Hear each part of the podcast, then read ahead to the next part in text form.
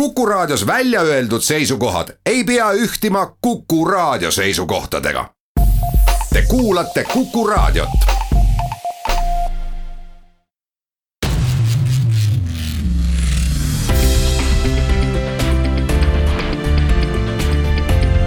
teel olümpiale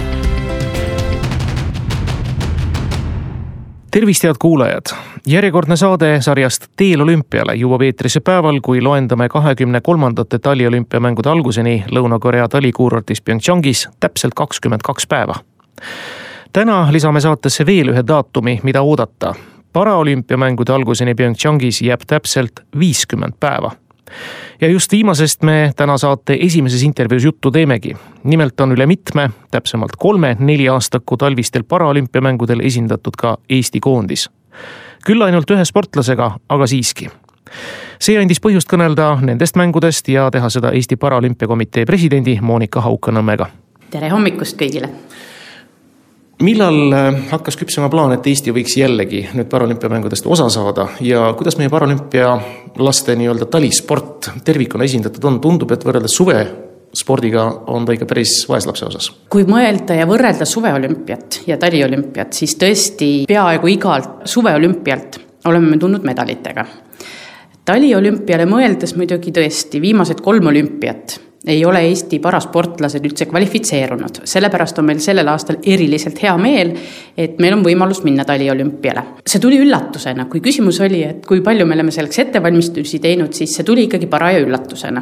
meie esindaja sel korral paraolümpiamängudel on teadupärast ujuja, kes on oma lestad vahetanud suuskade vastu, ehk me räägime Kardo Ploomipuust aga eriti hea meel on muidugi selle üle, et tegemist on esimese korraga, kus üks sportlane esindab riiki nii suveolümpial kui ka taliolümpial. mis puudutab nagu meie lootusi mm, pääseda paraolümpiamängudele, olid meil suusatamisest, mida võtab ette siis Kardo Ploomipuu äh, ja osaleb ühe kilomeetri klassikasprindis, oli meil suurem lootus isegi äh, kurlingutiim, mis on viimase paari aastaga väga-väga kiiresti arenenud ja viimase hetkeni oli meil tegelikult lootus, et me hoopis saame minna võistkonnaga välja. aga kahjuks äh, sai meile saatuslikuks see, et meie kurlingu tiim hakkas trenni tegema ja üldse selle alaga tegelema natuke liiga hilja, ehk neid võistlusi jäi väheks. peaaegu oli jalg ukse vahel ka kurlingu tiimiga.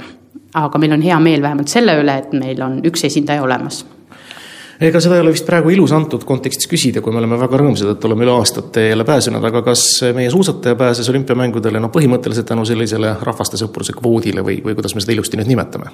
eks ta on natuke selline üllatuspääsemine tõesti, et me ei olnud sellega arvestanud, tegelikult ka ei ole ju Kardo väga pikalt suusatamisega tegelenud. et küll on ta lapsepõlves ja lihtsalt hobi korras suusatanud, aga ütleme nii, et tegemist on siis väga noore ja andeka mehega kes äh, vaatamata väiksele ettevalmistusele suutis selle, ikkagi selle koha endale tagada et äh, see oli, ma arvan, üks õnnelike juhuste kokkusattumine. aga nüüd ei tasu muidugi arvata seda, et me läheme sinna mütsiga lööma, vaid äh, tänaseks päevaks on ujumisvõistlused lõppenud. lõppesid tal ju väga edukalt tegelikult ka maailmameistrivõistluste medaliga pärast seda on Kardo asunud usinasti treenima, tal on olemas treener, kes on võtnud äh, tõesti tõsiselt ette Kardo ettevalmistamise, tegemist on Raul Ollega. nii et praeguselgi hetkel peaks Kardo olema lumel ja harjutama, nii et äh, ma usun, et võistleja ja võistlusvaim on temas kõva, nii et kindlasti annab ta hea mm,, hea võistluse, kindlasti annab ta endast kõik aga ma usun, et kui ta võtab seda tõsiselt, siis järgmisteks võib-olla olümpiamängudeks on tal äh, veel tugevam põhi all ja me näeme veel paremaid tulemusi. mis on saanud meie kelguhoki traditsioonidest ja võistkonnast, see oli küll rohkem kui kümme aastat tagasi, kui kelguhokimeeskond oli väga tubli et kas see ala on natuke unarusse jäänud ja kas tegelikult nüüd, kui te saate ju värske presidendina alaliidu juures rääkida, kui see kogemus saab nähtud ja tehtud, kas võiks ka nii-öelda paratalispordile uue hoo sisse anda ja nii-öelda käima lükata, et meil oleks ka suusatajaid võtta, miks mitte mäesuusatajaid, eh, seesama kurling, millest meil juttu oli ja neid alasid on ju veel. Te viitasite väga valusale punktile, ehk siis meie kelguhoki tiim. mis oli tõesti maailmatasemel, mängis maailma kõige paremate riikidega, suurriikidega, võistles võrdväärselt. et tõesti, meil enam ei ole üldse seda eriala või ala praegu ja nii kurb, kui see ei ole, mm, on küsimus rahas. ja selles, et äh, selleks, et üks äh, ratastoolis äh, meesterahvas saaks tulla trenni, et tal oleks varustus, et ta saaks transporti kodust jäähalli, selleks, et osta jäätunde. see on päris kallis meeskonnaala ja kahjuks ei ol-, ei leitud piisavalt rahastust sellest ja ta lihtsalt on meie niinimetatud talispordi lipulaev, lihtsalt suri välja. mis viibki selleni, et meil on vaja tunduvalt rohkem ka rääkida sellest, kuidas me üldse parasporti rahastame ja kellele meil seda vaja on, kas seda on vaja sportlasele, kas seda on vaja spordialaliidule, kas seda on vaja Eesti riigile me ei ole neid diskussioone lõpuni arutanud ja, ja pidanud, millest tulenevalt mulle tundubki, et see spordi rahastamine ja paraspordi rahastamine on väga lapsekingades. ja ta on jagatud ka erinevate ministeeriumite, erinevate vastutajate vahele. Ja, ja Paraolümpiakomitee, täitevkomitee on võtnudki selleks aastaks ka endale selle eesmärgi, et äh, tuua ühe laua taha need erinevad otsustajad. Ja, ja küsidagi et äh, mis on selle asja eesmärk. kas see on Eesti riigile oluline? mina isiklikult arvan, et see on väga oluline ja seda ei ole vaja ainult sportlasele või tema perekonnale, vaid ka Eesti riigile. sest nii nagu me toome medaleid äh, taliolümpialt või suveolümpialt, me rõõmustame selle üle, täpselt samamoodi on see ka Eesti riigi maailmakaardile toomine, aga natuke küll teises valdkonnas, aga täpselt sama tähtsalt Monika, te sõidate ise ka eh, alaliidu presidendina või jah, ütleme terve siis olümpiakomitee presidendina mängudele. Eh, millist kogemust te loodate seal saavutada, noh, nii-öelda erialasest aspektist, mida sealt üle võtta, võib-olla organisatoorselt, et meilgi paralümpiakomitee natuke kõvematele jalgadele saaks? kindlasti, mida me tahame seal lisaks sportlikele tulemustele loomulikult näha ja rõõmustada nii, nii sportlast ennast kui ka Eesti, Eesti inimesi heade tulemustega me kindlasti tahame luua pal-, uusi kontakte mm, ja nii ütleme, et Põhjamaadega, kuid ka võib-olla, miks mitte teiste riikidega, kellega me siiamaani ei ole suhelnud. et äh, läbi nende võrgustikega saada teada ja kogemusi, kuidas see toimub erinevates riikides, äh, spordi rahastamine ja samamoodi leida ka võib-olla selliseid mm, spordibaase, mis sobiksid ja oleksid sobilikud treenimiseks äh, ka parasportlastele, sest teadupärast on siin eritingimused vajalikud, et, et teha.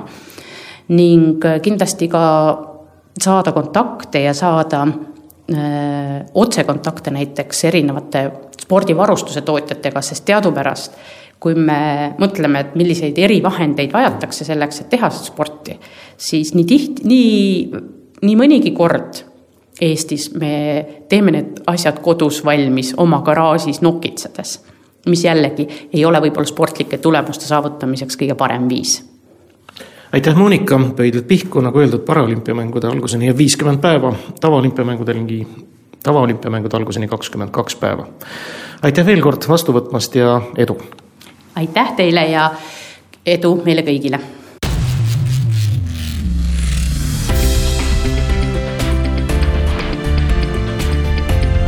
Teel olümpiale. jätkame Teel olümpiale saadet ja ikka on selle kauge ja mõneti sellise salapärase koha kohta huvitav teada saada, kui seda on Lõuna-Korea talikuurort Pyeongchang ja eks värskeid muljeid on need kõige paremad, mida vahetult on kogetud ja äsja on saabunud Pyeongchangist Margus Kiiver, Eesti Olümpiakomitee töötaja, tere Margus! tervist! kõigepealt, mis asjaolud sind sinna viisid? Need olid sellised erinevad organisatoorsed äh, ülesanded, mis, äh, mis oli vaja enne olümpiat seal ära teha ja muuhulgas siis oli võimalik äh, jälgida ka seda, et mis koha peal toimub. et ma pean muidugi tunnistama, et sinna mägedesse päris Pyeongchangi koha peale ajaliselt ei jõudnudki. et suurem osa ajast sai veedetud Gangneungis, mis on siis linn, kus toimuvad enamus jääalad kiiruisutamine, jäähoki, iluuisutamine, kurling ja oli küll plaan, et äkki jõuab põigata läbi ka sealt Alpensia skiresordist, kus siis toimuvad murdmaa-alad, laskesuusatamine ja kahevõistlus ning suusahüpped, aga. aga jah, paraku aega nappis ja, ja siis viimased päevad sai veedetud ka Soulis, et vaadatud, kuidas seal ka Lõuna-Korea pealinnas elu keeb. kuidas on, kas on kogu Korea poolsaar, vähemasti see lõunaosa haaratud siis juba olümpiamelusse, rõngad igal pool vilguvad ja need kaks olümpiamaskotti käivad rõõmsalt ringi, annavad aimu sellest, et midagi suurt on tulemas. kui ma jõudsin äh, lennujaama esimest korda, siis mul nagu natukene oli selline väikene pettumus isegi, ma nagu eeldasin, et ma astun lennukist maha, ma kohe vaatan vastu, et tere tulemast olümpiamaale. aga see, see kadus kiiresti, sest tegelikult mida lähemale äh, nüüd äh, jõudsin siis Kangni-Ungile ja käisime sealt, seal on vahepeal selline väike linnake nagu Jinbu. kus siis hakkab tegelikult hästi palju sellist äh, transiitliiklust läbi käima, ehk et sealt siis transferbussid sõidutavad külalisi Alpensiasse ja Pyeongchangi et, et põhimõtteliselt äh, siis juba hakkas silma ja loomulikult, kui Kangneungis äh, astud äh, rongijaamast välja ja vaatad, siis on kohe tere tulemast Kangneungi ja seda olümpiasümboolikat on tegelikult seal juba väga-väga palju. ning hiljem Soulis ringi jalutades on samamoodi, et on seal countdown kellad, mis näitavad, palju on olümpiamängude avatseremoonia alguseni aega. ning kui mina tulin reedel ära, siis laupäeval loomulikult noh, kahju, oleks tahtnud oma silmaga ka näha, aga midagi ei olnud teha, pidi ära tulema, siis laupäeval jõudis ju olümpiatuli Souli. nii et sellest tehti seal ka päris korralik suur happening. sa sattusid täpselt sel ajal Koreasse, kui kõneldi väga palju pingelistel poliitilistel teemadel, õigemini pinge lõdvendusteemadel. kas see lugu kajastus ka kuidagi Korea uudistes? no ilmselt kajastus, kui palju sa sealt aru said muidugi on iseküsimus ja, ja said aru sellest, et asjad lähevad paremasse suunas? Eh, jah, ma võin seda Korea uudistesaadet televiisorist vaadata ühelt poolt ja teiselt poolt, aga peab tunnistama, et ega sellest aru ei saa. Ja koha peal nüüd selles suhtes, me kohalikega sellel teemal ei rääkinud, pigem oli minu mure selles, et, et kui ma olin Kangne-Ungis, kus oli siis ka selline seitse-kaheksa kraadi külma, noh suht samasugune kliima nagu praegusel hetkel siin. et kus on lumi, kus on lumi, aga kohaliku orgkomitee inimesed äh, rahustasid mu maha, ütlesid, et tuleb. et iga aasta Kangne-Ungis kuskil jaanuari teises pooles hakkab lund sadama ja tuleb selline korralik lumi maha. Alpensias, äh, kus siis suusaalad on sealpidi see jääb natuke mägede poole, et seal on juba mingisugune selline lumekiht on maas ja tuleb kindlasti juurde. nii et ses mõttes äh, nad keegi nagu väga sellised murelikud selles suhtes ei, ei olnud, nad teadsid, et see tuleb. ja pigem hoiatasid selle eest, et kui PyeongChangis tuleb avatseremoonia, et inimesed, kes sinna nüüd nagu satuvad minema, et paneks ennast kindlasti päris soojalt riidesse, et see on siis nagu Lõuna-Korea külmapealinn on PyeongChang ja sellel ajal ehk siis veebruari alguses tõenäoliselt saab, saab seal olema selline päris krõbe külm ega ma ei saa küsimata jätta kahjuks muidugi, et sa sinna Alpensiasse ei jõudnud, need tavalised taustapildid, millega meie suusarahvas televiisorist oleme harjunud, et taustaks on Holmenkolleni männid või lahti kolm mäge, et see taust ja see foon on hoopis eriline või see õhustik on hoopis teistsugusem, kui sa hakkad olümpiamängudele kaasa elama. ja see võib-olla loob hoopis teistsuguse nii-öelda vaatamisvinkli ka, et ma usun, et seal noh, teises kultuuriski ringi liikudes oli päris põnev. ja, ja endal ka natukene kahju, et ei jõudnud, aga, aga midagi ei ole teha, et, et kuna siin äh, saab, saab veel korra minna mängude ajal, et siis saab ära vaadata, et siis ma saan tagasi tulla ja sulle nendest muljetest rääkida. Äh, mis muidugi silma jäi peaasjalikult just seal, äh, kui nüüd mängude paika minna ja seda on tegelikult ka varem räägitud, et. et ega seal selles mõttes inglise keelega on suhteliselt keeruline hakkama saada, et kohalik elanikkond, väga vähesed räägivad inglise keelt ja, ja pead ka seal taksojuhile käte ja jalgadega selgeks tegema, et kuhu sa sõita tahad. aga hästi sõbralik rahvas, hästi viisakas rahvas ja ei olnud sellist situatsiooni küll, et oleks nüüd nagu hätta jäänud. et äh, võib-olla mingi asja seletamine võttis viis minutit kauem aega, aga lõppkokkuvõttes äh, kõik sujus ja, ja kõik jooksis korda ning äh, noh, mängude ajaks loomulikult tuleb sinna tohutult vabatahtlikke. kes siis tulevad ka appi ja, ja ma usun, et sellest mingisugust sellist suurt probleemi ei ole ja lõppkokkuvõttes, kui sa nüüd tahad tänava peal seal sööma minna, siis seal on kenasti ka söögipildid üleval, näita end näpuga peale ja antakse sulle ette, head toidud on ja arvata võib ja noh, nad peavad ka lugu teiste rahvaste kultuuridest, mistõttu võib sealt mingisuguse saksa vorstika leida ja mis iganes. Kuidas sellega on, kas see on, ei, see ei ole müüt, et Lõuna-Korea majadel ei ole numbreid, üks asi ja teine asi on see, et iga teine inimene kannab seal nime Kim, mis teeb selle suhtlemise ka veel väga keeruliseks. no võib-olla tõesti jah, ja, ja kui ma nüüd nagu olümpiarajatistest räägin, siis, siis ses mõttes mm, oli seal pilt selline, et töö käis Mm, aga näha oli, et ikkagi tegelikult selline suur töö on ära tehtud, selliseid ajutisi Äh, ajutisi linnakuid, kus siis hakkab olema nii-öelda nagu back office erinevatel areenidel. Äh, need on seal kõik kenasti juba püsti pandud ja need on sellised, mis tõenäoliselt võetakse ka ikkagi pärast maha, et need, need ei ole sellised spetsiaalselt olümpia jaoks ehitatud ja jäävadki sinna ülesse. Äh, erinevalt siis PyeongChangi olümpiakülast, mis, mis ongi nagu ja ma loodan, et leiab ka pärast rakendust, sest nende olümpiarajatiste puhul tavaliselt see kõige suurem küsimus ongi see, et mis neist edasi saab, et tegime valmis küll, väga tore, aga mis edasi saab see kõik on väga oluline taustateadmine võib-olla meie olümpiasõpradele, kes võtavad selle kauge reisi ette omadele kaasa elama. kas on teada, kui palju on läbi Eesti Olümpiakomitee ja siinsete reisikorraldajate minemas? Äh, täpset numbrit ei oska öelda, aga huvilisi äh, kindlasti on, et äh, meie enda kaudu ma usun, et me räägime sellisest noh, ehk vast pea, pea kahekümnest inimesest kindlasti. et need on nüüd nagu siis olümpiakomitee kaudu, aga, aga meie ametliku piletipüügipartneri Estraveli kaudu ka neid äh, huvilisi sinna minemas on, et äh, võib-olla tõesti, et meie selline noor koondis ja medalit ei, ei tule, aga, aga ma usun, et äh, vaadates, mis seal tehtud on, need saavad kindlasti olema sellised üsna sümpaatsed mängud ja eestlastele kaasa elama minna sinna. ma usun, et neil Eestimaa sportlastel on seal ka hea võistelda, kui nad näevad äh, sinimustvalget ja võib-olla kuulevad ka eesti keelt raja ääres. no neid võiks olla rohkem isegi kui pealtvaatajaid, siis jääb mulje parem, igal juhul. Margus, sul on hindades ka mingisugune ülevaade kindlasti, kas ta pigem on selline kallis paik mm,?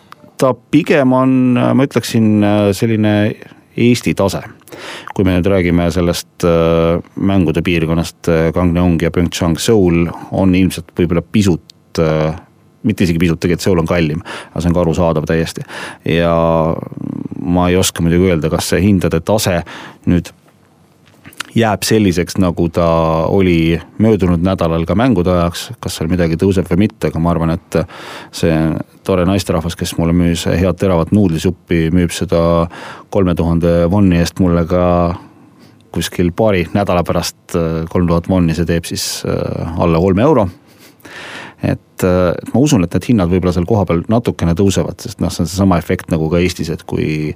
kui ikkagi mingisugune suur sündmus tuleb, siis lükatakse, lükatakse hinnad üles, aga mine tea, ma loodan, et mitte suur tänu sulle, Margus, neid vahetud muljeid jagamast. me oleme kõik väga ootusärevil ja põnevil, ega olümpiamängude alguseni jääbki sisuliselt ainult kolm nädalat. nii ta on.